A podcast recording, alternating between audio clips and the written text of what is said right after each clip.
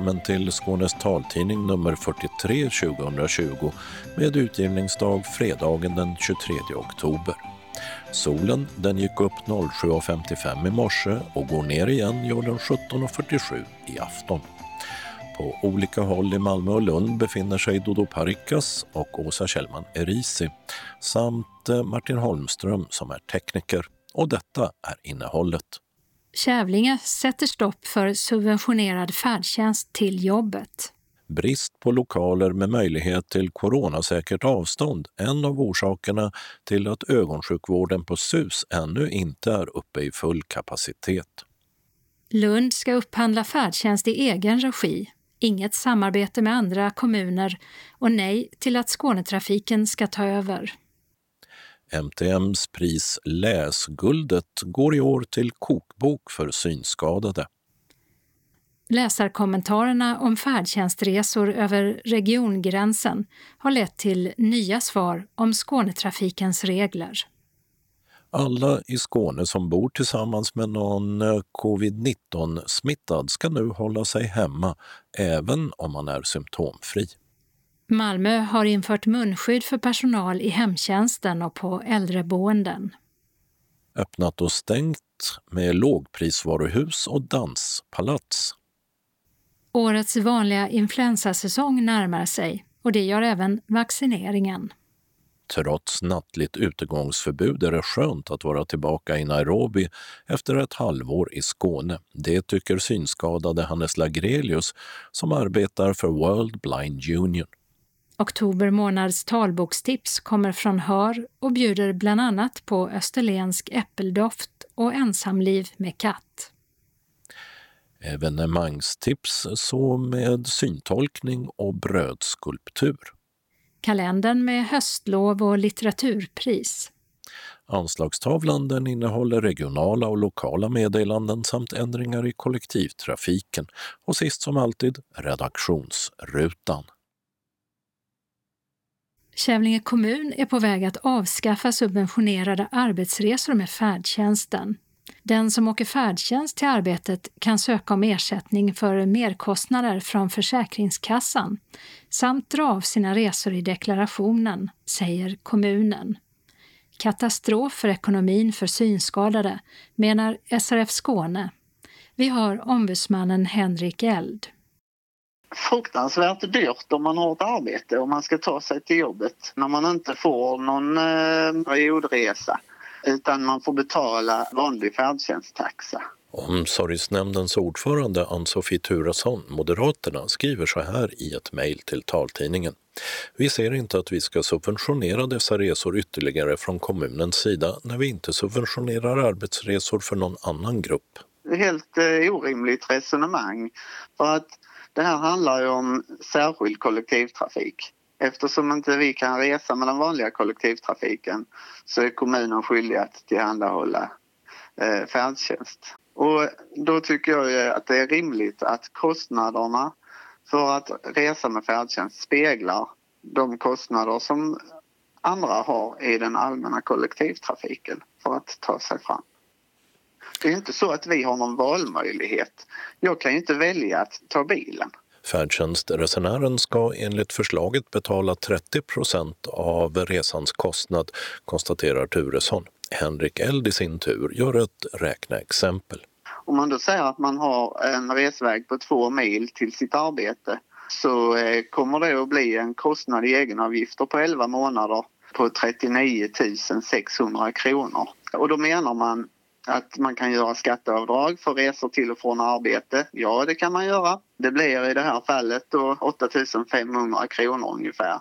Och sen så ska resten då täckas av eh, Försäkringskassans merkostnadsersättning. Och där är taket 2 759 kronor. Och med det här räkneexemplet så blir eh, det som blir över efter skatteavdraget 2 820 kronor per månad. Så att eh, merkostnadsersättningen, den fulla högsta merkostnadsersättningen räcker inte ens för att täcka en resväg till jobbet på två mil.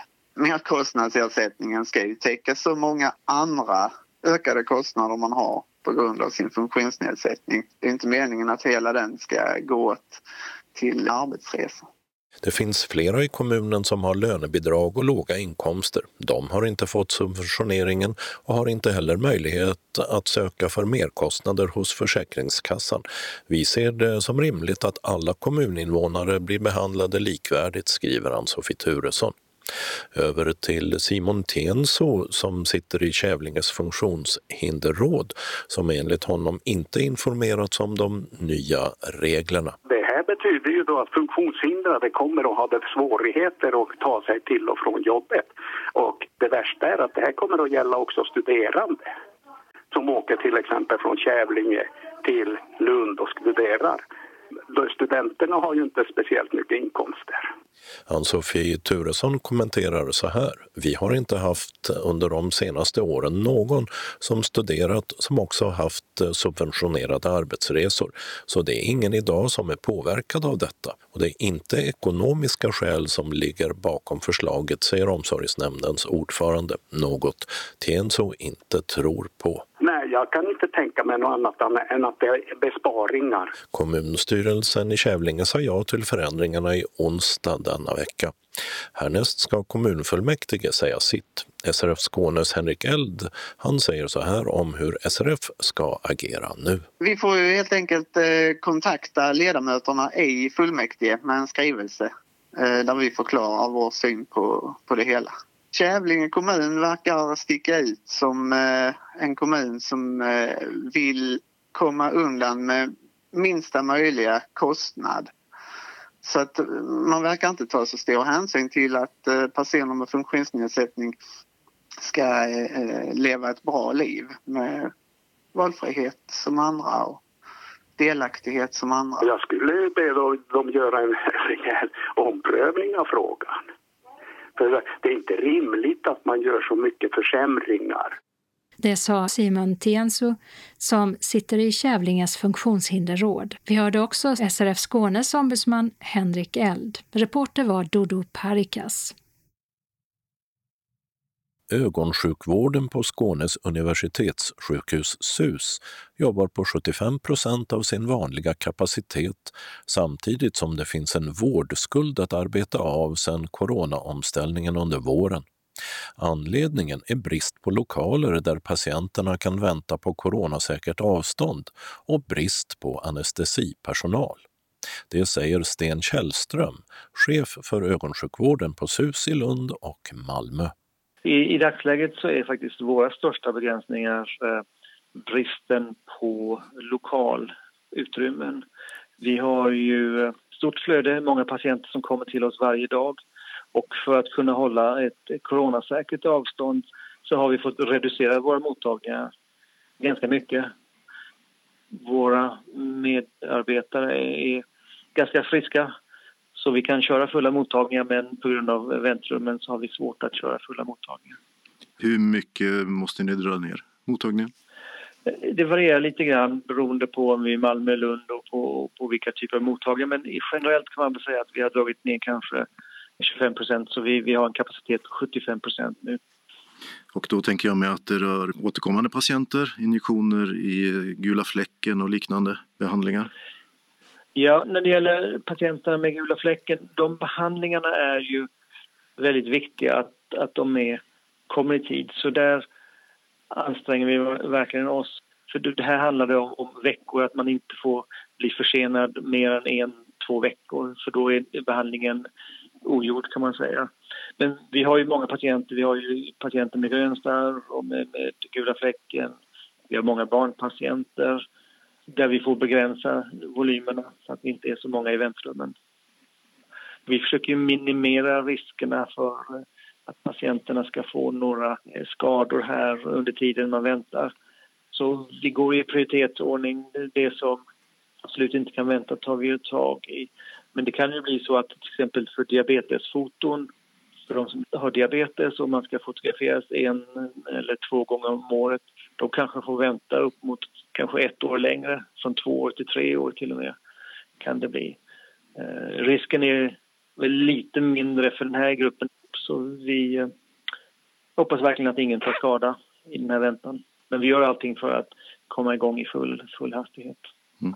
Ja, det är ju inte lämpligt idag att sitta för trångt i väntrum och liknande. Bygger ni ut eller bygger om eller skaffar tält? Har du funderat på tidigare? Ja. ja precis. Vi har funderat på att skaffa tält men det har varit svårt att faktiskt få till det på sjukhuset. Vi har arbetat vidare på det. Vi har fått upp bänkar utanför ögonsjukvården här. Eh, det blir lite kallare ute så vi ska se om vi kan få någon värme också. Det är lite trögt men eh, vi försöker med alla medel fixa till detta. Tidigare i våras fick ni direktiv från högre ort om att begränsa allt för att ställa om till covidvård. Och så blev det av med en massa personal och så var det brist på utrustning av både det ena och andra slaget, eh, munskydd då, till exempel. Har ni fått tillgång till allt, personal och utrustning och sånt som ni behöver? Ja, precis. Så nu är vår personal tillbaks på plats och i full gång. Eh, på det sättet som vi använder skyddsutrustning så räcker den till i dagsläget. Det finns vissa begränsningar, vissa typer av munskydd som saknas fortfarande. Eh, men annars så är väl det ganska bra. Den stora bristen som vi har om man tittar på hela sjukhuset så är det egentligen bristen på anestesipersonal. Just de som söver eh, inför operationer. Så där har vi långa, långa väntetider beroende på att vi har personalbrist på, på anestesipersonal. Och det är lämpligt att söva innan man gör eh, ögonoperationer då. Kan utföra dem? Det är faktiskt så, så att ögon, ögonsjukvården har, har genomgått en fantastisk resa. När jag började som underläkare på ögon så opererade vi kanske 90% på sovande patienter. Eh, men nu så är det 5% kanske. Så det har ju skett ett stort paradigmskifte här. Så vi kan operera det, flesta, det mesta faktiskt utan att man sover. Mm. Vad får det för effekter, bristen på anestesipersonal då? Eh, om vi säger så här, de patienterna som eh, vi fortfarande behöver söva, de behöver vi verkligen söva. För den individuella patienten så får det stora konsekvenser, självklart. Eh, och vi till exempel, vi opererar ju många barn som skelar och de vill vi inte operera i vaket tillstånd. Eh, nu har vi tyvärr då en ganska lång väntetid. Det kunde bli upp mot två år just på de här skelningsoperationerna på grund av brist på anestesi. Eh, deras ögon tar inte skada. Men däremot så är det en väldigt stor psykologisk belastning på de här eh, unga individerna. De kan lätt bli mobbade i skolan och så. Så vi brukar operera dem före skolstart oftast. Mm. Ja, det gick några månader där när ni var nere på en mycket mindre behandlingsoperationskapacitet än, än vanligt och då var det många patienter som fick vänta och då blev det en vårdskuld eller vårdberg som du sa tidigare där. Eh, hur mycket är det kvar av det? Idag och framöver? Ja, ehm, det är fortfarande eh, en stor uppförsbacke här. Eh, om vi tittar realistiskt med, med coronaavstånd och det vi kan göra så kommer det ta tid. För, för att vara helt realistisk så kommer det att ta en till två år för att klara av det normala inflödet och utflödet, eh, att, att göra de operationer vi behöver, plus allt som vi inte hunnit med. Vad blir konsekvensen för patienterna framöver som du skulle se det? Finns det risk för bestående skador eller synnedsättning eller liknande? Eh, även här så självklart så prioriterar vi och alla de som skulle försämra för synen opererar vi så fort som möjligt. Så jag hoppas verkligen inte att patienterna ska ta skada av detta utan vi opererar alla i prioritetsordning. Så tar man skada så försöker vi operera dem först så att man ska slippa ta skada. Det sa Sten Källström, chef för ögonsjukvården på Skånes universitetssjukhus.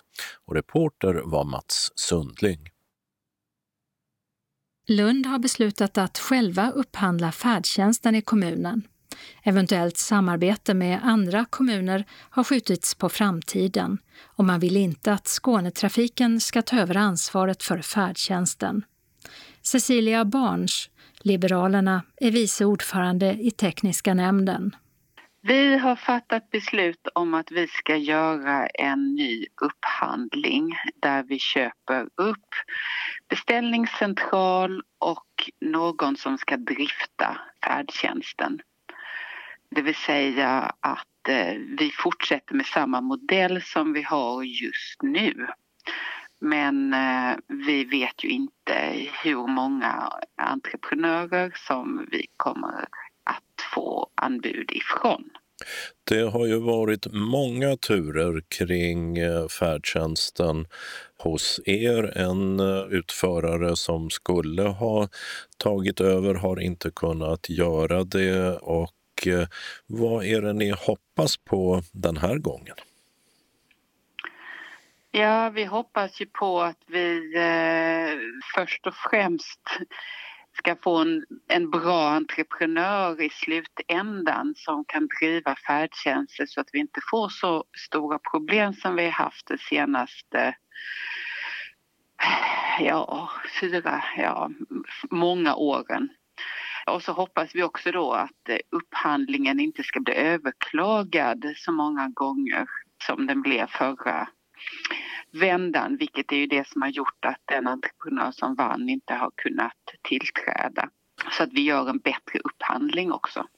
Och eh, det har funnits eh, andra planer eh, att eh, samarbeta med andra kommuner var en. Hur ser ni på den möjligheten framåt? Det kom upp då för några månader sedan den här tanken att vi skulle kunna samarbeta med några andra kommuner som då inte ingår i Skånetrafikens område för färdtjänst, eh, Malmö och Staffanstorp var det då. Men det, det fungerade inte rent tidsmässigt av olika skäl. Så att det är väl någonting som vi troligtvis kommer att ha i åtanke inför nästa upphandling när den här upphandlingen är slut. Sen var en annan möjlighet att låta Skånetrafiken eh, ta över färdtjänsten och eh, det verkar ha försvunnit från kartan. Varför det? Ja, det får du egentligen fråga olika politiker och kanske olika svar på den frågan men Eh, en anledning var att deras nöjdhetssiffror var inte nämnvärt högre än våra, åtminstone inte enligt vissa mätningar. Ett annat var en osäkerhet inför Skånetrafikens eh, ekonomi just nu. Vi har alla läst i tidningarna om hur Skånetrafiken blöder och vi tänker att eh, vi var inte säkra på att detta inte skulle ha påverkat färdtjänstbudgeten. Och sedan var det också bland vissa en osäkerhet om vi gick in i, i Skånetrafikens, eh, lät dem köra det, att eh, det påverkar våra möjligheter att eh, ha inflytande på hur villkor etc ska se ut för eh, resenärerna. Men eh, hur ser det ut när det gäller att eh, Skånetrafiken planerar att lägga ner kundcentret i Lund och att kommunen inte visste om detta. Spelade det in i att eh, ni inte är positiva till Skånetrafiken som utförare? Det talade inte till deras fördel i alla fall, så kan man ju uttrycka det.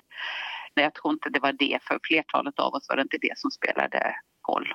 Det sa Cecilia Barnes, vice ordförande i tekniska nämnden i Lunds kommun. Reporter var Dodo Parikas. MTMs pris Läsguldet går i år till Martin von Knorring och Eva Frid som sammanställt boken Laga mat i blindo, kokbok för personer med synnedsättning.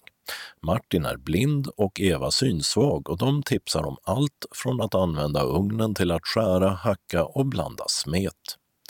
Läsguldet delas ut för att citat uppmärksamma kreativa, inspirerande och inkluderande sätt att skapa möjlighet till läsning för alla. Slutcitat. Boken innehåller recept samt tips och tricks i köket för den som inte ser. Inlästa kokböcker och böcker i punktskrift bygger på att du ser, menar pristagarna. Då tänkte vi att vi gör en egen kokbok där vi också kan berätta hur man löser olika moment i köket, säger Martin von Knorring på MTMs hemsida. Prissumman på 25 000 kronor kan komma att användas till en ny kokbok med flera medverkande, berättar Eva Frid. Prisutdelning sker den 5 november vid Svenska Daisy-konsortiets digitala konferens så ska vi återvända till möjligheten att åka färdtjänst över regiongränsen från de kommuner där Skånetrafiken sköter färdtjänsten och som gränsar till en annan region, som till exempel i Bromölla, där man numera måste anlita riksfärdtjänst för att åka över till Sölvesborg i Blekinge. Vi har hört läsare som ofta har ärenden dit. Det kan vara för att man behöver besöka sitt barn eller bara ta en fika. Skånetrafikens presstjänst skriver så här i ett mejl till taltidningen. En förutsättning för att kunna beviljas riksfärdtjänst är att ändamålet med resan ska vara rekreation, fritidsverksamhet eller annan enskild angelägenhet. Resan ska inte ha anknytning till arbete, utbildning eller medicinsk vård eller behandling. Man utreder vid varje ansökan vilket ändamål som finns för den sökta resan. Om det huvudsakliga syftet är att besöka någon eller till exempel fika kan detta falla inom ramen för vad som kan ge rätt till riksfärdtjänst. Grundregeln är att ansökan om riksfärdtjänst ska inkomma tre veckor innan planerad resa. Detta för att handläggarna ska hinna utreda ärendet samt eventuellt eh, hinna boka färdtjänstbil hos bolaget som utför tjänsten åt Skånetrafiken. Utredningen innefattar bland annat resans ändamål men även vilket färdsätt som kan bli aktuellt för kunden. Vid bedömning av färdsätt utgår man från det billigaste färdsättet som gör det möjligt för kunden att genomföra resan.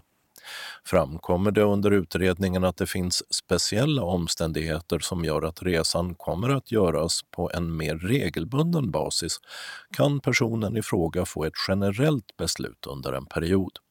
Gäller det generella beslutet resor med bil kan kunden boka själv senast fem arbetsdagar innan resan. Om kunden beviljas ett generellt tillstånd om riksfärdtjänst framgår det av beslutet för vilken period beslutet gäller. Kunden får sedan ansöka på nytt igen om det fortsatt är aktuellt med riksfärdtjänst. Av det generella beslutet framgår det mellan vilka adresser kunden har blivit beviljad riksfärdtjänst. I regel gäller beslutet till en specifik adress och inte till exempel en ort. Detta med anledning av att varje resas ändamål har betydelse. Det konstaterade Jenny Hohenthal vid Skånetrafikens presstjänst i ett mejl till taltidningen. Och det hon skriver innebär alltså att det svar som serviceresechefen Titti Unosdotter gav Jonas Lövgren om bokningsmöjlighet samma dag ifall man fått ett generellt tillstånd inte stämde.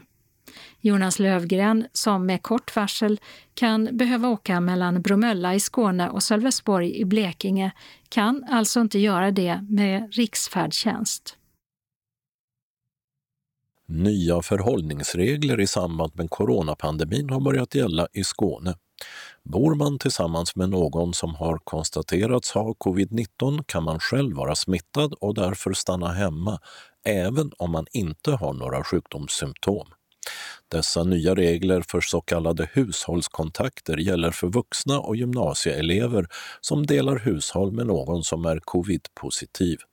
Däremot gäller de inte förskole och grundskolebarn. Mer detaljerat gäller följande. Den som bor tillsammans med någon covid-positiv och arbetar eller studerar ska göra det hemifrån under minst sju dagar. Kan man inte jobba hemifrån ska man inte gå till jobbet utan ansöka om smittbärarpenning från Försäkringskassan. Man ska träffa så få personer som möjligt, hålla avstånd utomhus och inte delta i fritidsaktiviteter med andra. Man ska inte åka med kollektivtrafik, färdtjänst eller taxi. Man ska enbart handla i mataffärer eller apotek om man absolut måste och är symptomfri. Vara noga med att tvätta händerna ofta och använda handsprit. Undvik att äta tillsammans hemma och om möjligt inte dela badrum. Och berätta att man bor tillsammans med en person med covid-19 om man har kontakt med hälso och sjukvården. Antalet covid-19-fall har ökat i Skåne den senaste tiden och Malmö stad har nu infört användning av munskydd för personal vid så kallade ansiktsnära vård och omsorgssituationer inom hemtjänsten och på vårdboenden.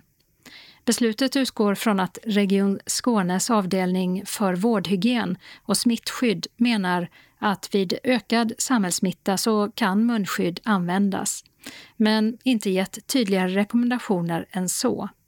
Men det gör man alltså i Malmö. Munskydd ska till exempel alltid användas om personalen hjälper någon med ögondroppar eller i en måltidssituation. Det här gäller i alla situationer där man kommer inom en meters avstånd, säger Pia Nilsson, ledare för Malmö stads covid-19-ledningsgrupp, till Sydsvenskan. Öppnat och stängt. I Kristianstad finns numera en del av Arbetsförmedlingens tjänster att tillgå på statens servicekontor som ligger på Spannmålsgatan 3. Utan tidsbokning kan man där få hjälp med digitala tjänster, inskrivning som arbetssökande, aktivitetsrapportering med mera. Sedan tidigare finns Pensionsmyndigheten, Försäkringskassan och Skatteverket på servicekontoret. I Löderup har träffstället Seniorernas hus på Löderupsgården med adress eh, Fabriksgatan 7 öppnat igen efter sju månaders nedstängning. Även i Ystad har verksamheten öppnat. Där är adressen Göken, Petrigatan 10. I Malmö har köpcentret Entré vid Värnhem fått ett mindre lågprisvaruhus till vänster in på ingångsplanet. Magasin 17 heter det och där finns bland annat hushållsmaskiner, kläder, inredning, verktyg, en del matvaror, rengöringsmedel, blommor och leksaker. I Ystad har blomster och inredningsbutiken The Cottage, vilket ungefär betyder stugan, öppnat på gågatan. Och öppet är det tisdag till och med lördag. Adress Stora Östergatan 18. I Tomelilla kommer nöjes och danspalatset Tingvalla som varit stängt sedan början av året inte att öppna igen och lokalen är såld. Även i coronatider kommer en vanlig influensasäsong och nu närmar sig vaccineringarna. Vaccination rekommenderas i första hand för den som är 65 år eller äldre, gravida efter vecka 16 eller de som har ökad risk att bli svårt sjuka om de smittas. Dessa riskgrupper kan vaccinera sig från och med 3 november och vårdpersonal från 16 november. Från och med 1 december kan även andra vaccinera sig. Vårdcentraler med gott om plats och flera väntrum kommer även i år att erbjuda drop-in, men under, som det heter, ordnade former. Andra vårdcentraler kommer till exempel att vaccinera olika åldersgrupper vid olika tillfällen eller kräva tidsbokning för vaccination. Det kommer också att vara möjligt att vaccinera sig om man ändå besöker vårdcentralen i något annat ärende. Trots nattligt utegångsförbud, munskyddstvång och hemarbete är det skönt att vara tillbaka i Nairobi efter ett halvår i Skåne. Det tycker synskadade Hannes Lagrelius som arbetar för World Blind Union i Kenya. Det känns väldigt bra att vara, vara tillbaka men det känns såklart lite märkligt för att jag var borta i nästan sex månader. Men det som möter en när man kommer hit är ju liksom något helt annat än, än det man lämnade. Man har tagit initialt sett ganska starka tyglar i att försöka kontrollera smittspridningen och riskerna som finns i samhället, offentliga platser exempelvis och inom kollektivtrafiken. Och man har många väldigt tydliga restriktioner på plats som skiljer sig från, från flera andra länder som Sverige till exempel där man inte bara kan bestämma att så här ska det vara utan där man får ha en eh, stark rekommendation istället. Men här är det liksom offentligt munskyddskrav inom, både när man sitter i bil, när man åker buss, när man går ute, när man sitter och väntar på offentliga ytor. Det är utegångsförbud efter klockan 11 på kvällarna till 4 på morgnarna. Och eh, under sommaren så var det mycket tidigare men att det har justerats. Så, och under en tid så var det från klockan 7 på kvällarna vilket skapade stora problem för folk. Nu är det från klockan 11 och sen natten just för att minska eventuell spridning, Att folk går ut och dansar och vi dricker mycket alkohol som man tror påverkar smittspridningen. Hur var det att komma tillbaka till det här då, att ha ett munskydd på sig och, och följa, inte rekommendationer utan liksom starka krav? jag skulle väl inte säga att jag har något direkt problem med det. Jag har inga problem att ha på mig munskydd och så. Det jag märkte just Nairobi, det är ganska förorenat. Det var faktiskt ganska behagligt. Man slipper andas in så mycket avgaser och sådana saker när man åker bil om man har fönstren nere till exempel. Jag kommer nog fortsätta med det, även när det inte är ett krav.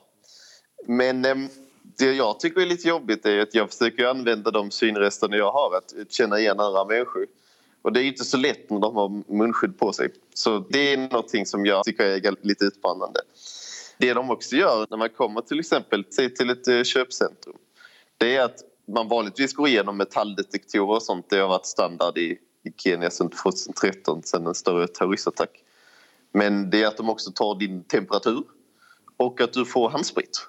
Om det då visar sig att man har feber så släpps det inte in men vi vet ju från vad vi har hört i medier och så och från läkare och epidemiologer att man kan vara smittbärare men man behöver inte nödvändigtvis visa på så starka symptom. Så jag tycker ändå att det, det har varit hanterligt. Jag är lite irriterad över det här utgångsförbudet som börjar klockan 11 på kvällarna. Därför att är man ute på middag och så, så måste man verkligen skynda sig. Och, så det är lite tråkigt. Vad händer om du inte kommer hem före 11 om du fastnar i någon kö eller sådär? Många sådana saker är lite oklara men folk är faktiskt förvånansvärt eh, medvetna om det där. Så till exempel om jag sitter i en taxi 10-11 då kör i regel taxibilen lite snabbare därför att chauffören måste ju också komma hem innan. Men det är böter som gäller. Det är helgdag i Kenya, berättar Hannes Lagrelius när jag ringer upp honom. Och man firar de som var med och befriade landet från britterna, så de flesta är lediga. Men i hemmet jobbar Hannes för det mesta annars också eftersom man liksom i Sverige inte vill att man träffas och eventuellt sprider smittan vidare på arbetsplatserna. Men även om han arbetar mest hemifrån så är det bra att vara på plats, anser han. Det vi har försökt att ha lite på vårt kontor är ju att jag kanske är där men då är det inte någon annan som är där och sådär. Så att så att man också kan hålla social distans. Men det är också så att kontor precis har börjat öppna så det här är liksom i det här startskedet. Vi får se om ett litet tag. Vad blir skillnaden om du sitter hemma i Simrishamn och jobbar eller om du sitter i Nairobi och jobbar hemifrån? Det skapar en starkare koppling till den kontexten och den miljön som jag har jobbat i de senaste ett och ett halvt åren. Och det är mitt nya hem där jag vill vara. Under den tiden jag har varit här så har, vi, har jag byggt upp ett stort nätverk Både när det gäller vänner men också med andra samarbetspartners, andra organisationer och FN-organisationer. Så då är de ju mycket närmare. Så, men det har ju lett till att jag har kunnat ha jobbmöten också fysiskt med andra organisationer även om det mesta görs eh, virtuellt. Så det har gjort att man har kommit närmare det arbetet som vi har, jag har jobbat med tidigare. Det har liksom stärkt det här liksom, tron på vad vi gör. Det är inte bara att man sitter i något annat land och diskuterar saker i Kenya eller i Östafrika utan man är helt enkelt närmare eh, där det sker. Smittspridningen i Kenya har hittills inte blivit så omfattande som många trodde. I början rapporterade man bara några enstaka fall medan det nu enligt de senaste siffrorna som Hannes Lagrelius sett är uppe i mellan 45 000 till 47 000 bekräftade fall sedan coronapandemin började och mellan 850 till 900 dödsfall. Och orsaken till att siffrorna hittills ser ut som de gör finns det många åsikter om. Och då brukar en förklaring som framhävs vara att man har en väsentligt yngre befolkning. Sen så finns det många andra teorier om att det handlar om luftkvalitet och höjdskillnader och sådana saker.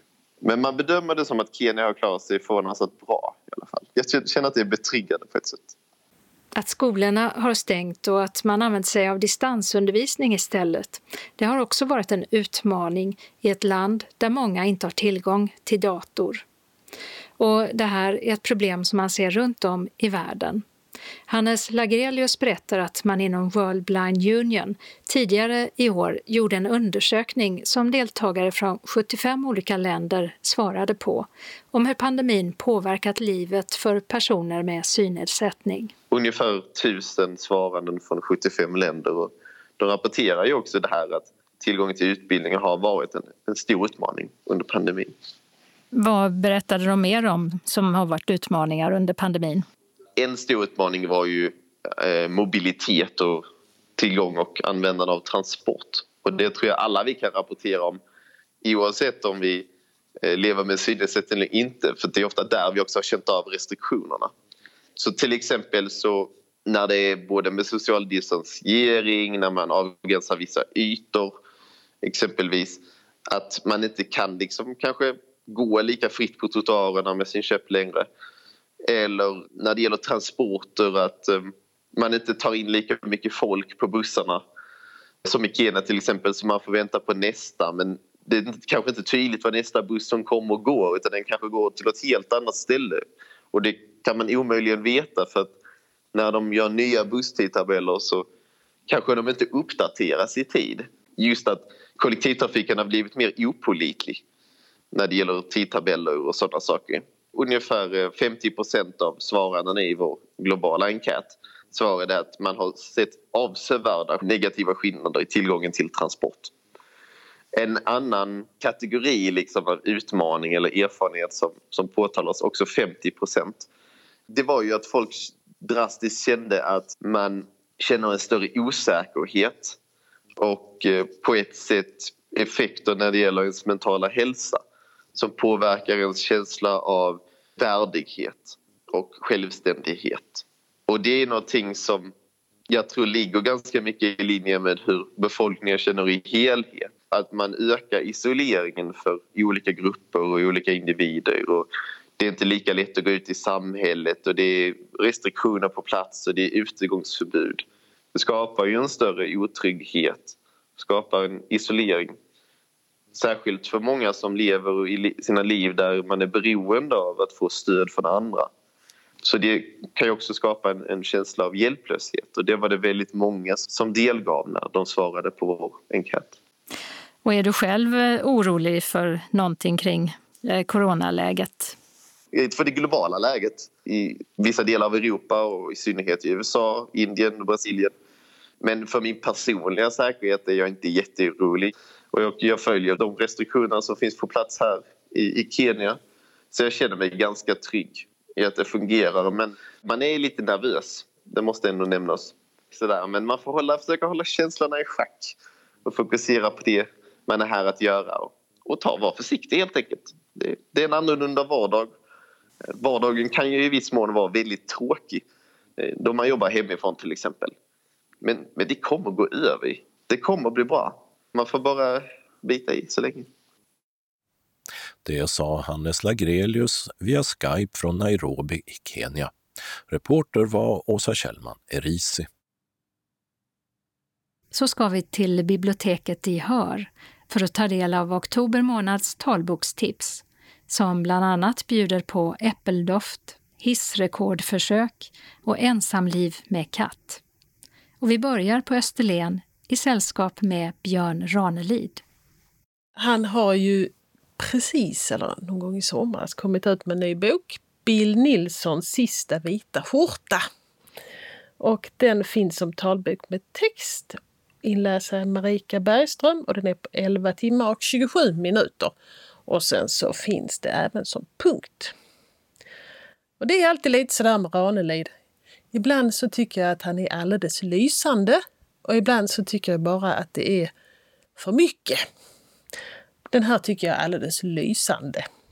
Det är också en eh, av hans lite tunnare romaner i omfånget. Miljön i boken är någonstans runt Havängstrakten norr om Kivik. Precis där man vill vara. Tiden är nog 1960-tal. Det är lite oklart men det verkar liksom så när det gäller vad folk har på sig och vad de har för fordon och liknande. Och ramen för berättelsen det är en sån här ofattbar händelse för den här lilla byn. Det börjar med en begravning i kyrkan. Och eh, framme vid altaret i sina kistor så ligger en moder och eh, hennes fyra barn. Och resten av byn sitter i kyrkbänkarna. Alla har de på något sätt haft en relation till de här döda i kistorna och speciellt då till modern. Alla har de tyckt om henne. Och de har på något sätt haft en relation med henne. Eh, hon har varit prästfru. Och eh, prästen har väl, han är inte där, han är fördriven ur byn av folk som bor där. Kvinnan har tagit livet av sig efter hon har tagit livet av sina barn. Ingen kan förstå det, hur det här har kunnat bli. Och efterhand som de olika begravningsgästerna berättar sin historia om henne så får vi förstå vad som egentligen har hänt. Och det är faktiskt en otroligt kärleksfull berättelse. Det kan man inte tro egentligen, men det är det. Det är en väldigt kärleksfull äppeldoftande sommarvarm historia som, som han är så bra på. Men det är en saga. En riktigt, riktigt fin saga som han har fått till, Björn Ranelid. Eh, jag la märke till att det är eh, ett antal kistor, trodde jag, på omslaget och så tittade jag efter lite närmare istället. är det en rad med lådor fulla med äpplen. Ja. Har du läst den? Nej, tyvärr. Nej. Men jag fick lust att läsa den. Mm, ja. Och den är, den är äppeldoftande.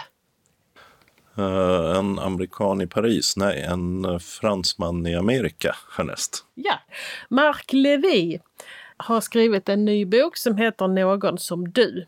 Inläsare är David Zetterstad och det är en talbok med text på 8 timmar och 21 minuter och punktskrift. Mark Levy han är riktigt bra på att skriva eh, feel böcker med lite mer substans i. Och den här berättelsen den utspelar sig i New York på Fifth Avenue nummer 12 där lägenheterna servas av någonting så ovanligt som en manuellt skött hiss. Depak som sköter hissen på dagpasset, han är sitt hus och sin hiss trogen. Han har jobbat där i många år och han siktar på ett världsrekord i eh, antal meter åkandes med hiss. Och varenda kväll så åker han hem till sin fru och så berättar han inte speciellt mycket om de här människorna som bor i huset. Hon vet lite grann sådär. Men han har ju väldigt mycket med deras liv att göra. De kan inte ta sig ur huset om inte han åker upp i hissen och hämtar dem. Det finns en baktrappa men den är riktigt eh, svår att gå i och brant och så här. Och längst upp i huset så bor det en tjej som är handikappad. Och hon är ju väldigt beroende av att Depak kan, kan köra henne upp och ner i hissen. En dag så berättar Depaks fru att eh, hennes brorson ska komma och hälsa på från Bombay Depak och hans fru de har mer eller mindre flytt från Bombay när de var unga och bosatt sig i New York. Och har inte haft någon kontakt med släkten där. Och eh, det visar sig att han är en sån här IT-miljonär. Det vet de inte. Och sen berättar Mark Levy, han berättar väldigt skickligt om de här olika personerna som bor i det här huset med hissen. Eh, och alla har de eh, hemligheter och egenheter som, som man får liksom ta del av på något sätt. Och samtidigt så, så berättas det mycket om Depak och speciellt hans frus familjehistoria när väl brorsonen kommer. Och det är en sån där ömsint och fin berättelse utan att bli mesig.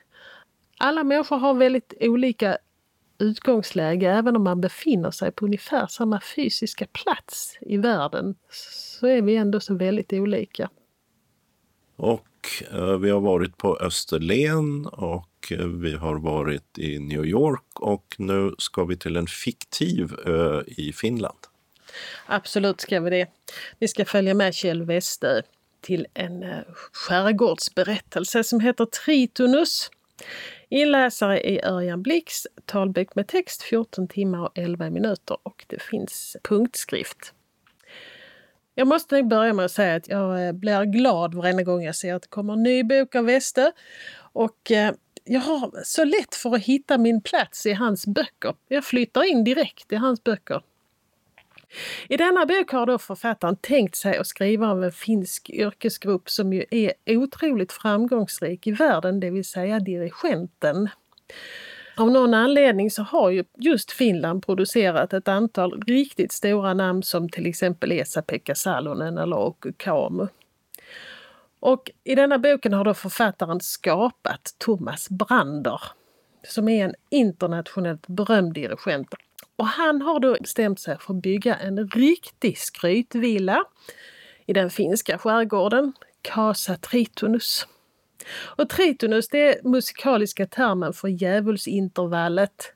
Och det har en dissonant klang. Så det används jättemycket till exempel inom musik till skräckfilmer och så här.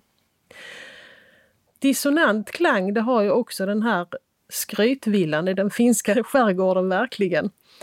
Och eh, det är vanligt folk som bor där ute. Och så kommer Thomas Brander dit som är den här verkligt berömda dirigenten. Han är rätt ensam, Brander.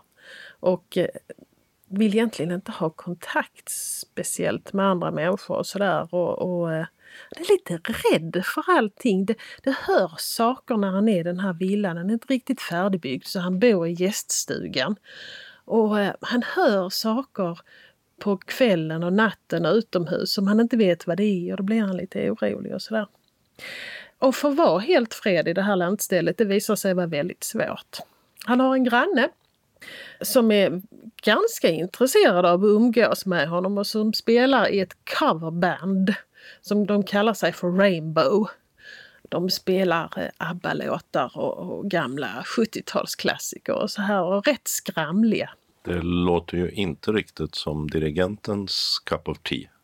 Nej, inte överhuvudtaget. Men han blir inbjuden till att lyssna komma på en av deras spelningar och han kommer dit och det är inte så illa ändå tycker han. Och, så här. Och, och så plötsligt så har han liksom råkat komma in i det här samhället på något sätt som han egentligen inte alls ville. Och ibland så försvinner han och så är han på någon fantastisk eh, turné någonstans i Europa. Och, och sen kommer han tillbaks igen och han tycker om de här människorna sådär lite lagom. Och plötsligt så vill de ju ha saker av honom. Och lite tjänster och lite, de ber honom om saker. Men å andra sidan får han ju rätt mycket av dem också. Han är finlandssvensk, han skriver på svenska. Och han skriver så otroligt bra. Man funderar jättelänge på den här boken när man har läst den. Det är ganska mycket musik i boken. Är man musikintresserad är det underbart. Är man inte så musikintresserad så tror jag egentligen att man kan bortse lite från det här när man inte riktigt vet vilka alla kompositörer är som det pratas om. Det är en riktigt, riktigt bra bok. Mm. Från musik till katt. Nils Uddenberg, han skrev ju för några år sedan en bok som hette Gubben med katt som blev braksuccé. Nu har han kommit med uppföljaren som heter Ensam med katt. Och inläsare är Örjan Blix och det är en talbok med text i bara 4 timmar och 16 minuter. Men den finns som punktskrift också. Och det är åtta år sedan som han kom med den här boken Gubben med katt. Och Nils Uddenberg då som är docent i psykiatri, han är folkbildare, professor. Men för gemene man så är han mest känd för den som skrev den här boken Gubben med katt. Om en man som mot sin vilja blev förälskad i en katt. Har ni inte läst den boken så börja med det. Och nu kommer han ner med den här fristående boken Ensam med katt och som titeln antyder så börjar ju boken lite i moll. Författarens hustru dog hastigt för några år sedan och nu är det bara gubben och katten kvar. Och det handlar ju en hel del om att hantera det faktum att bli den som blir ensam kvar. Men eh, Kissen hon gör ju vad hon kan för att hålla honom sällskap och hålla honom sysselsatt. Men livet förändras mycket. Så, så handlar det en hel del om det gamla livet. Och så får vi också till livs en ganska stor del av kulturhistoria om katten, vilket faktiskt är väldigt intressant. Och eh, det är ingen tvekan om att Kissen, som katten heter, är av mycket stor betydelse för författaren. Så mycket trevlig liten bok som man kan läsa. Eh, och så till en favorit hos både dig och en annan av våra talbokstipsare. Ja, eh, Louise Penny, deckarförfattaren från Kanada. Alltså jag vet att ni har hört om henne förut. Jag har pratat om henne och förra boktipset från Kristianstad så var hon också med. Men eftersom översättningarna av hennes böcker ligger lite efter så har det hunnit komma två böcker det här året. Men nu så kommer alltså den här boken på svenska som heter Den långa vägen hem.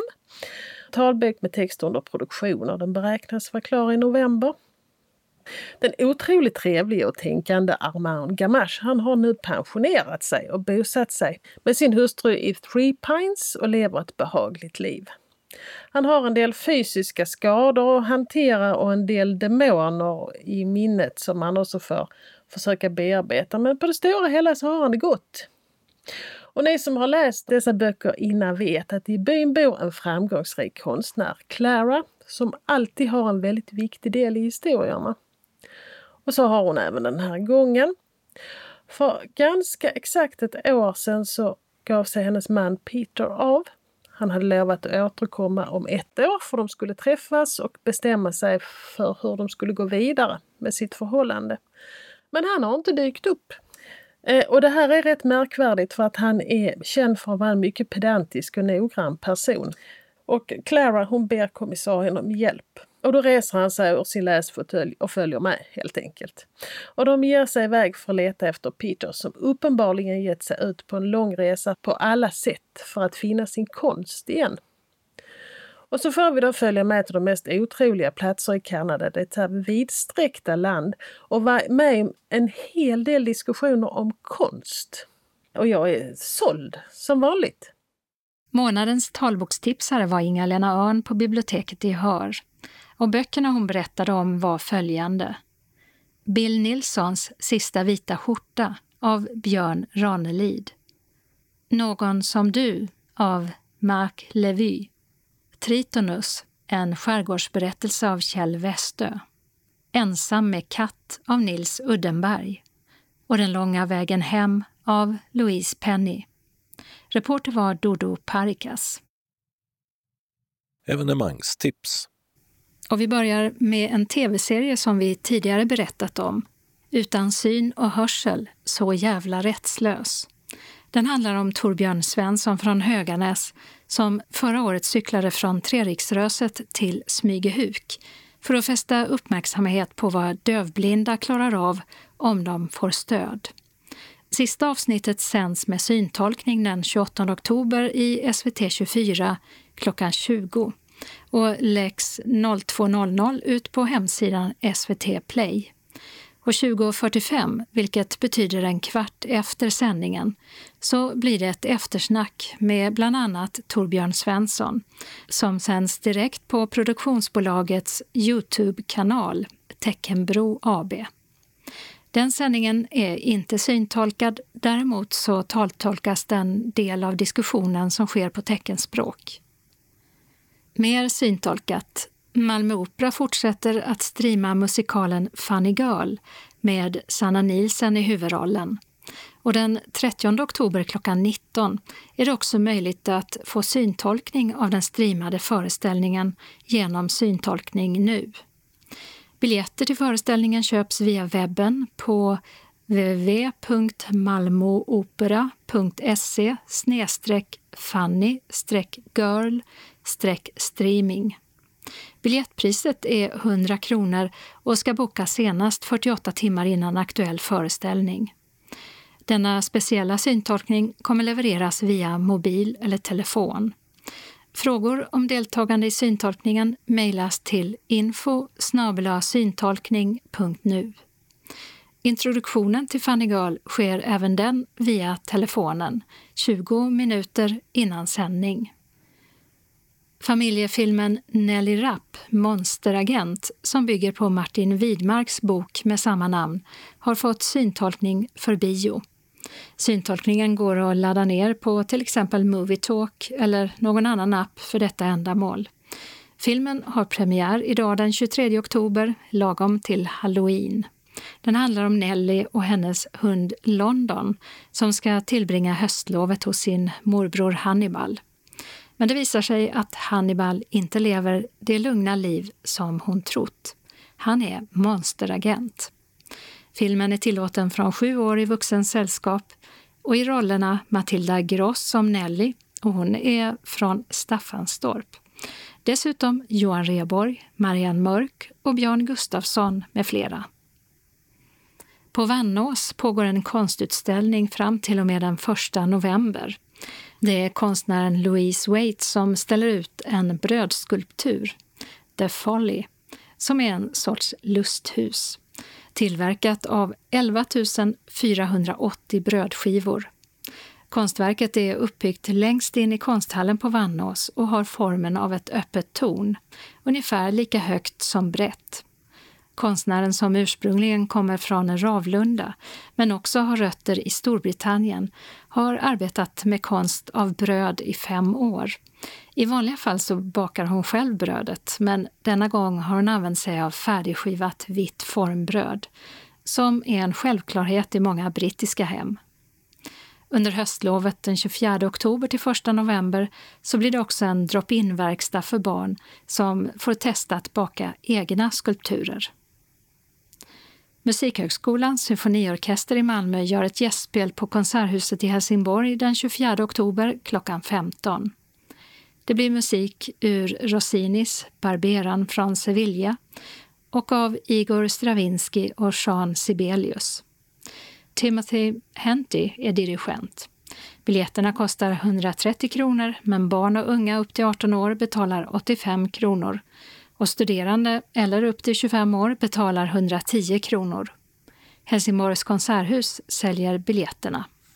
Örkelljunga bibliotek är numera mer öppet mellan klockan 8 till 22 alla dagar, vilket innebär att man kan använda biblioteket även när det inte finns någon personal där. Och om hur det går till att använda biblioteket själv utan personal, det kan man få veta mer om den 26 oktober klockan 10.30 till 11. Då är det informationsmöte i Borgkransrummet på biblioteket om hur man blir mer öppet användare. Det kommer även arrangeras fler träffar framöver. Anmälan görs till biblioteket på telefon 0435 550 55 eller biblioteket snabela orkeljunga.se. I Sankt Nikolai-kyrkan i Trelleborg uppförs Requiemmässan den 1 november klockan 16 till 17.15. Mässan har genom sina texter verkat som minnesgudstjänst för de bortgångna. Gabriel Fauré heter tonsättaren bakom detta verk och det är Sankt Nikolai vokalensemble med solister och orkester under ledning av Martin Arpåker som framför en kammarmusikalisk version. Och det är fri entré. Malmö Live har ett coronaanpassat program som man kan boka biljetter till. De flesta evenemang är gratis, men eftersom det som mest får vara 50 personer i publiken krävs en biljett som man bokar hos Malmö Live. Den 2 november är det måndagsmusik klockan 20 till 21 på kanalscenen med den argentinsk-svenska tangoorkestern Quartetto Tangarte som har en varierad repertoar från tangons olika stilar och epoker. Den 3 och 4 november klockan 16 på samma scen föreläser Sixten Nordström på temat Alla Sixten, den gudomlige Mozart. Det handlar om musikhistoriska sanningar och skrönor. Biljetterna här kostar 120 kronor. Lördagen den 7 november är det barnlördag på kanalscenen. Das Wertherbuch om trädet som nästan dog heter programmet. Och det ges vid två tillfällen, klockan 11 och klockan 13. Biljetterna är gratis, men om man inte dyker upp tillämpas en no-show-avgift som är på 100 kronor. Dagen efter, den 8 november klockan 13, uppträder Musikhögskolans gitarrklasser på samma scen. Och biljetter till samtliga evenemang bokas alltså hos Malmö Live. På biblioteket i Trelleborg är det ett lunchföredrag med Johannes Edvardsson den 5 november klockan 12 om klimat, kulturarv och katastrofer. Vad kan vi lära av träd? I föreläsningen ges exempel på hur uråldriga trästammar från torvmossar kan användas för att datera och studera klimatförändringar under de senaste 8000 åren. Även hur årsringarna kan användas för att datera laviner, bränder och vulkanutbrott med mera. Biljetterna är gratis men bokas på Trelleborgs bibliotek. en populärvetenskaplig talkshow om x antal år blir det på Medicon Village och restaurangen Inspira som ligger på Skeletorget 1 i Lund den 19 november klockan 19. Frågan som ställs i showen är när får Lund sitt första Nobelpris? Programledare är Cecilia Nebel och därutöver deltar komikerduon Anders och Måns liksom forskare, entreprenörer och experter med koppling till Medicon Village eller Nobelpriset. Pris på plats med mat är 429 kronor, stjärnpris 299 kronor. Vill man följa talkshowen digitalt kostar det 59 kronor. Biljetterna bokas på sydsvenskan.se xantalar och är släppta. Biljettinformation Trelleborgs bibliotek 0410 73 31 87 Helsingborgs konserthus 042 10 42 80 Malmö Live 040 34 35 00 Kalendern vecka 44 börjar med måndagen den 26 oktober då höstlovet inleds i skolorna och Amanda och Rasmus har namnsdag. I veckan håller Nordiska rådet sitt stora möte där en delegation från riksdagen deltar. Men det blir inga plenumdebatter som tidigare år eftersom sessionsveckan sker digitalt. De evenemang som direktsänds på nätet är en spännande debatt den 27 oktober om covid-19 och pandemins effekter på Norden och det nordiska samarbetet, dit samtliga statsministrar bjudits in. Men också en prisgala samma dag från Reykjavik där bland annat Nordiska rådets litteraturpris delas ut. 13 romaner, noveller och diktsamlingar är nominerade. En av dem är Yahya Hassan 2, en diktsamling av den omdiskuterade och populära danske poeten Yahya Hassan, som avled tidigare i år, 24 år gammal. En annan nominerad bok är Vem dödade Bambi av finlandssvenska Monica Fagerholm och W av den nyblivna ledamoten av Svenska Akademin, Steve Sem Sandberg. Nordiska rådets sessioner avslutas den 29 oktober. För 65 år sedan blev Österrike åter självständigt efter den tyska annektionen under andra världskriget. Landet förklarade sig samtidigt vara neutralt. Och det är deras nationaldag denna dag. Och samma datum, 40 år senare, blev de medlemmar i EU. Ja, visst gör det ont när knoppar brister varför skulle våren annars tveka?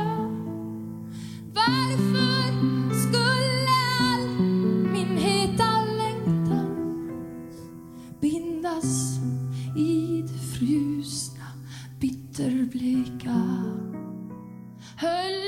För 120 år sedan föddes poeten och författaren Karin Boye. Här är det Josefin Nilsson som sjunger en tonsatt version av den vackra dikten Ja visst gör det ont från diktsamlingen För trädets skull. En annan känd titel är den dystopiska science fiction-romanen Kallocain. Karin Boye tog sitt liv 1941. Tisdagen den 27 oktober har Sabina namnsdag. Damlandslaget i fotboll spelar EM-kvalmatch mot Island på Gamla Ullevi i Göteborg. Det är den andra matchen. Förra gången slutade matchen oavgjort 1-1. Men nu är det på hemmaplan i Göteborg med avspark 18.30. Det är den internationella skolbiblioteksdagen, men också den internationella nalledagen, då alla nallar ska högtidlighållas. Att dagen firas just den 27 oktober beror på att den amerikanske presidenten Theodore med smeknamnet Teddy Roosevelt var född då. Och enligt en historia sägs ursprunget till smeknamnet ha varit en misslyckad björnjakt där presidenten för att hållas vid gott mod fick möjlighet att skjuta en fastbunden björnunge. Men han hade inte hjärta att skjuta den lilla björnungen och fick efter den händelsen smeknamnet Teddy som också blev namnet på den omtyckta nallebjörnen. Onsdagen den 28 oktober är det Simon och Simon som firar namnsdag. För 200 år sedan öppnades den första sparbanken i Sverige och det var i Göteborg. Den första som satte in pengar i den nystartade banken var en treårig flicka som förmodligen fick hjälp av sina föräldrar. Sparbanken växte snabbt och som mest 1928 fanns det 498 sparbankskontor runt om i Sverige. Datorpionjären och filantropen Bill Gates fyller 65 år. Han är en av grundarna till Microsoft men ägnar sig numera åt heltidsarbete inom Bill och Melinda Gates Foundation. En stiftelse som framförallt satsar på sjukvårds och utbildningsprojekt i fattiga länder. Torsdagen den 29 oktober heter namnsdagsbarnet Viola.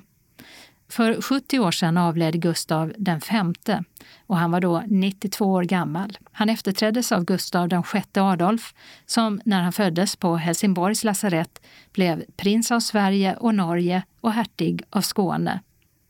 Det är den internationella psoriasisdagen och så fyller sångaren och Helsingborgssonen Erik Sade 30 år. Fredagen den 30 oktober är det Elsa och Isabella som har namnsdag. Den argentinske fotbollsstjärnan Diego Maradona fyller 60 år. Lördagen den 31 oktober har Edith och Edgar namnsdag och det är Alla helgons dag. Vänsterpartiets partikongress inleds och håller på under två dagar. Och då ska en ny partiledare väljas efter Jonas Sjöstedt som lett partiet de senaste åtta åren. Valberedningen föreslår vice partiledaren Nooshi Dadgostar till ny partiledare. Hon har varit vice ordförande för Ung Vänster och blev riksdagsledamot 2014 med ansvar för bland annat socialförsäkringsfrågor. Nooshi Dadgostar är uppvuxen på Hisingen i Göteborg. Avgående ordförande Jonas Sjöstedt ska flytta till Vietnam där hans hustru Ann Måwe är ambassadör. Kongressen hålls till stor del digitalt. Georgien går till parlamentsval koalitionen Georgisk dröm som nu har 89 platser av 150 tappade i popularitet ett tag men har gjort en uppryckning i opinionsmätningarna efter vad som ses som ganska god hantering av coronakrisen. Det är hundra år sedan en av Sveriges största inom fotboll föddes, Gunnar Gren, även kallad Il Professore, ett smeknamn han fick som proffs i AC Milan. Gunnar Gren var med och vann OS-guld i fotboll 1948 och VM-silver tio år senare för Sverige. Förutom att vara skyttekung i allsvenskan där han spelade för IFK Göteborg blev han också italiensk mästare i AC Milan där han tillsammans med Gunnar Nordahl och Nils Lidholm utgjorde den legendariska innetrion Grenoli. På en hel del platser i världen firas också halloween denna dag. På söndagen vänder vi blad i almanackan för då har det blivit den 1 november och allhelgonadagen. Dagen då vi minns de som gått bort och många ljus lyser upp kyrkogårdar runt om i landet. Redaktör för evenemangstips och kalender var Åsa Kjellman Erisi. Den regionala anslagstavlan innehåller ett meddelande från SRF Malmö Svedala som välkomnar SRF-are från hela Skåne till Bröllopstårtan. En teaterföreställning som syntolkas på Intiman torsdagen den 26 november. Samling 18.15 på Östra Rönneholmsvägen 22 i Malmö. Föreställningen börjar klockan 19 och är 2 timmar och 30 minuter lång. Handlingen. Hur kommer det sig att du har de moraliska åsikter du har? Är de bara antaganden eller beror de på din uppfostran? Stad står mot landsbygd och generationskrockarna är ofrånkomliga i denna roliga och intelligenta feelgood-komedi. Vi har förbokat ett begränsat antal biljetter och medlemmar från andra delar av Skåne är alltså också välkomna. Pris 220 kronor per vuxen. Betalning sker med inbetalningskort som skickas hem. Biljetter delas ut på plats. Reseersättning utgår som vanligt från SRF Skåne för resor utanför Malmö när kvittot har sänts in inom tre månader. Anmäl dig till kansliet på telefon 040 25 05 40 eller e-post info snabela srfmalmo.se senast onsdagen den 28 oktober. Berätta då om du behöver lur och eller ledsagning. Om du har frågor innan föreställningen, ring Maj-Britt Ryman 0703 24 66 09. Hjärtligt välkomna önskar styrelsen. Den lokala anslagstavlan är gemensam för hela Skåne och börjar med två meddelanden från SRF Malmö Svedala som först välkomnar till sin dagverksamhet vecka 44. Vi serverar kaffe och smörgås eller kaka för 10 kronor. Vi vill att alla anmäler sig till kansliet telefon 040 25 05 40 om man tänker komma på någon av dagaktiviteterna. Senast klockan 10 samma dag som aktiviteten. Känner man sig sjuk så stannar man hemma.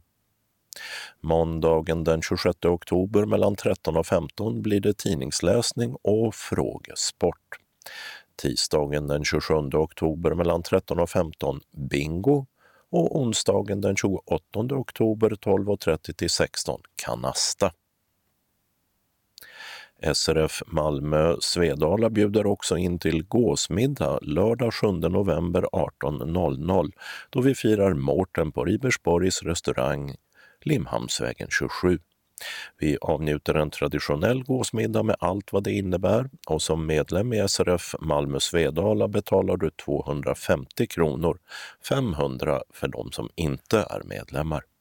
Du betalar avgiften till bankgiro 192 9645 eller swish 123 077 80 5.0 senast 30 oktober. Vill man ha inbetalningskort så meddelar man det vid anmälan. Vi tar emot anmälan från och med måndagen den 19 SRF Norra Skåne hälsar välkommen till en trevlig kväll på restaurang Alexei fredagen den 13 november 18.00. Adress Bäckhagsvägen 2 i Hässleholm. Observera att adressen vid utskicket hade en bokstav fel. Detta är den rätta adressen. Föreningen bjuder på varmrätt plus dryck. Alkoholhaltiga drycker betalar ni själva. Ni kan välja på kött, fisk eller vegetariskt. Ledsagarantalet är begränsat men den som behöver ledsagning får räkna med att den personen kan få hjälpa andra också. Senaste anmälningsdag fredag 6 november till Anna-Lena Päckile, Telefon 0451 23101 eller 0703 60 06 47 eller e-post anna-lena.packila snabelatelia.com Packila med 2K. Hjärtligt välkomna önskar styrelsen. SRF Ringsjöbygden inbjuder till trivselträff måndagen den 26 oktober 16.30 till 19 på Medborgarhuset i Eslöv, Kyrkogatan 1. Lokalen är coronaanpassad. Föreningen bjuder på kaffe, smörgås och underhållning med skånska visor. Anmälan senast 23 oktober till Birgitta, telefon 0705 50 32 61. Du som inte har möjlighet att närvara, hör gärna av dig om du har frågor eller förslag och idéer för nästa år. Varmt välkomna hälsar styrelsen. SRF Sydöstra Skåne har en inbjudan. Äntligen ska vi få träffas. Du vill väl inte missa årets gåsamiddag? Det blir gås med alla goda tillbehör på Husargården den 15 november. Naturligtvis följer vi Folkhälsomyndighetens rekommendationer och ser till att hålla avstånd.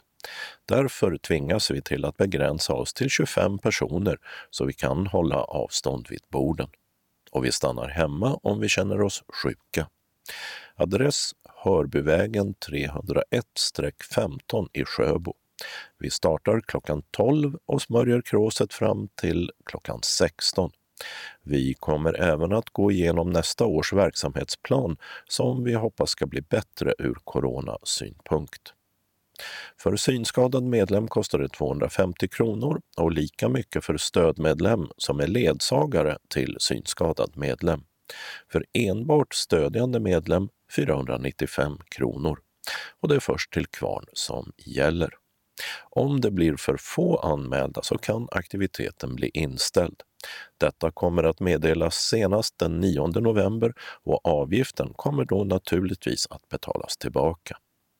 Anmäl dig senast den 8 november till Marion och Jan Magnum, telefon 0736 50 38 18 eller Vicky Svedrell 0708 37 53 58. Uppge vid anmälan om du har rullstol, rollator, egen ledsagare, ledarhund eller är i behov av särskild kost. Vill du inte ha svartsoppa så finns en alternativ soppa. Synskadade medlemmar får sina reskostnader ersatta efter att vi senast tre månader efter aktiviteten fått kopia på kvitto eller färdtjänstfaktura. Du betalar till bankgiro 54 35 4303 eller swish nummer 1234 41 50 71. Och vi ser helst att du använder något av dessa alternativ. Välkommen till en härlig gåsamiddag på Husargården, hälsar styrelsen. SRF Västra Skåne inbjuder alla medlemmar i Helsingborg, Höganäs, Landskrona och Svalöv till månadsmöte tisdagen den 10 november 14.00. Sista anmälningsdag är fredagen den 6 november 12.00 till kansliet telefon 042 15 83 93 eller e-mail srfvastraskane srf.nu. Månadsmötet kommer att äga rum som en telefonkonferens med särskilt telefonnummer och deltagarkod, vilka erhålls vid anmälan. Skynda dig att anmäla ditt intresse då antalet platser är begränsat till 27. Välkomna! SRF Västra Skåne meddelar också att det är dags att beställa almanacka för 2021. Almanackan är i A5-format med text och siffror i svart färg och helgdagarnas datum i vit text mot röd ruta. Priset är 100 kronor. På framsidan kan du få ditt namn. Fram och baksida är plastad. Beställ på kansliet. Om du inte kan hämta din almanacka kan vi skicka den till dig med inbetalningskort och portokostnaden medtagen. Så några tillfälliga ändringar i busstrafiken. I Helsingborg berörs hållplats Helsingborg C, läge Q för stadsbuss linje 22 mot Väla centrum av ett grävarbete på Järnvägsgatan. Resande hänvisas till en tillfällig hållplats längre norrut på samma gata efter Möllegränden. I Hör så pågår tillgänglighetsanpassning av busshållplats Styrmansvägen läge B som mellan den 26 oktober 07.00 och 30 oktober 16.00 flyttas 50 meter framåt i färdriktningen på Nybyvägen och hamnar då efter vägens korsning med Västanväg och Styrmansvägen. I Malmö så fortsätter de omfattande arbetena i norrgående riktning på Bergsgatan och Södra Förstadsgatan som vi berättat om tidigare. Skåneexpressen linje 8s hållplats Södervärn flyttas nu till läge J på Carl Gustavs väg. Går allt som det ska är arbetena klara 9 november 03.00. Och därmed var det slut på det här numret av Skånes taltidning. Ett nytt nummer kommer fredagen den 30 oktober. Skånes taltidning ges ut av Region Skånes psykiatri och habiliteringsförvaltning. Ansvarig utgivare är Martin Holmström. Postadress Jörgen Ankersgatan 12, 211 45 Malmö. Telefon 040-673 09 70. E-post Skanes taltidning snabela skane.se och hemsida skanestaltidning.se. Vi hörs igen. Hej då!